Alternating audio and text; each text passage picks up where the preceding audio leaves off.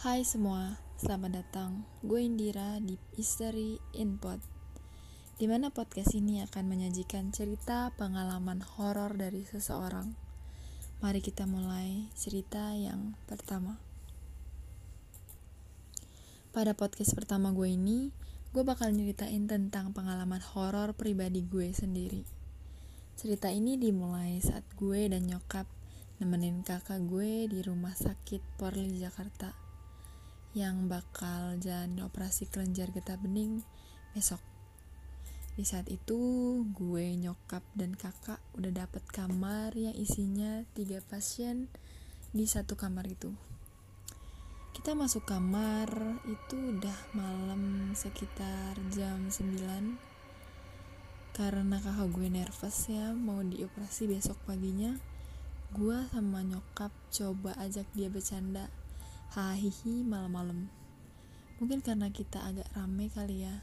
Pasien sebelah merasa terganggu dan buka tirai penutup. Dan niatnya sih mau negur kita. Di saat dia buka tirainya, dia kaget banget. Karena yang dia dengar ada suara laki-laki yang ikut ngobrol bareng kita. Makanya dia keganggu. Karena suara laki-laki itu besar banget.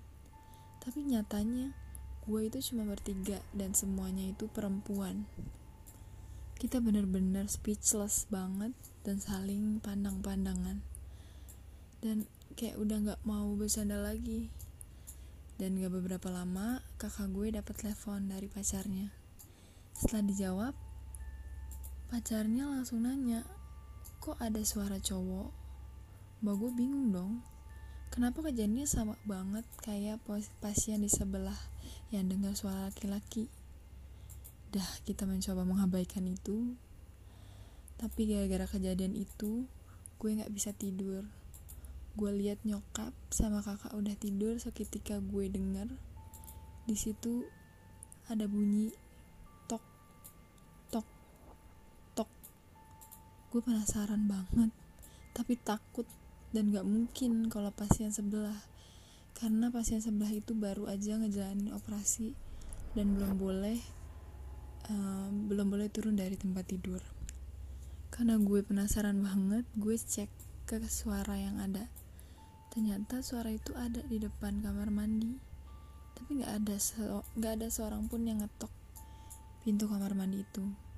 Dan seketika gue nengok gue nengok ke masuk ke kamar mandi itu ternyata suaranya dari dalam kamar mandi dong.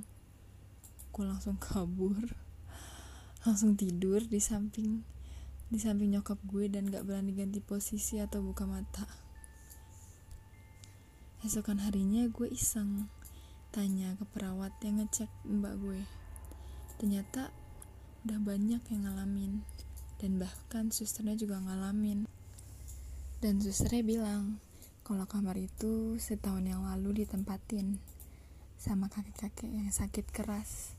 Tapi sama sekali gak ada yang jenguk. Sampai dia menghembuskan nafas terakhir